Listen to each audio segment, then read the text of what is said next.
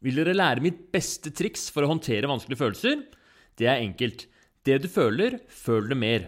Ok? Det du føler, føl det mer. Greia er at øh, følelsene er jo ikke problemet. Det er greit å føle skam, sinne, sorg, angst, avvisning, hva det nå enn er. Menneskemaskinen er lagd for å ha de følelsene, så de skal være der. Problemet er følelsene eller tankene man får av følelsene. Skjønner du? Um, et eller annet skjer, ikke sant? og så blir du sint eller lei deg, og så begynner du å stresse fordi du er så sint.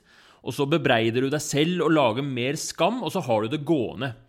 Så trikset er å bare føle det du føler. Stå i følelsen, godta den. Det du føler, føl det mer.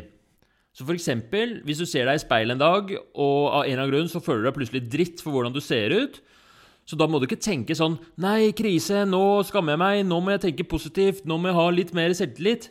Ikke tenk 'hvordan skal jeg få den der skammen vekk', men i stedet føl skammen. La skammen være der. Kanskje til og med undersøk hvor i kroppen du kjenner skammen. Eh, du kan si det høyt hvis du vil, du kan skrive den ned.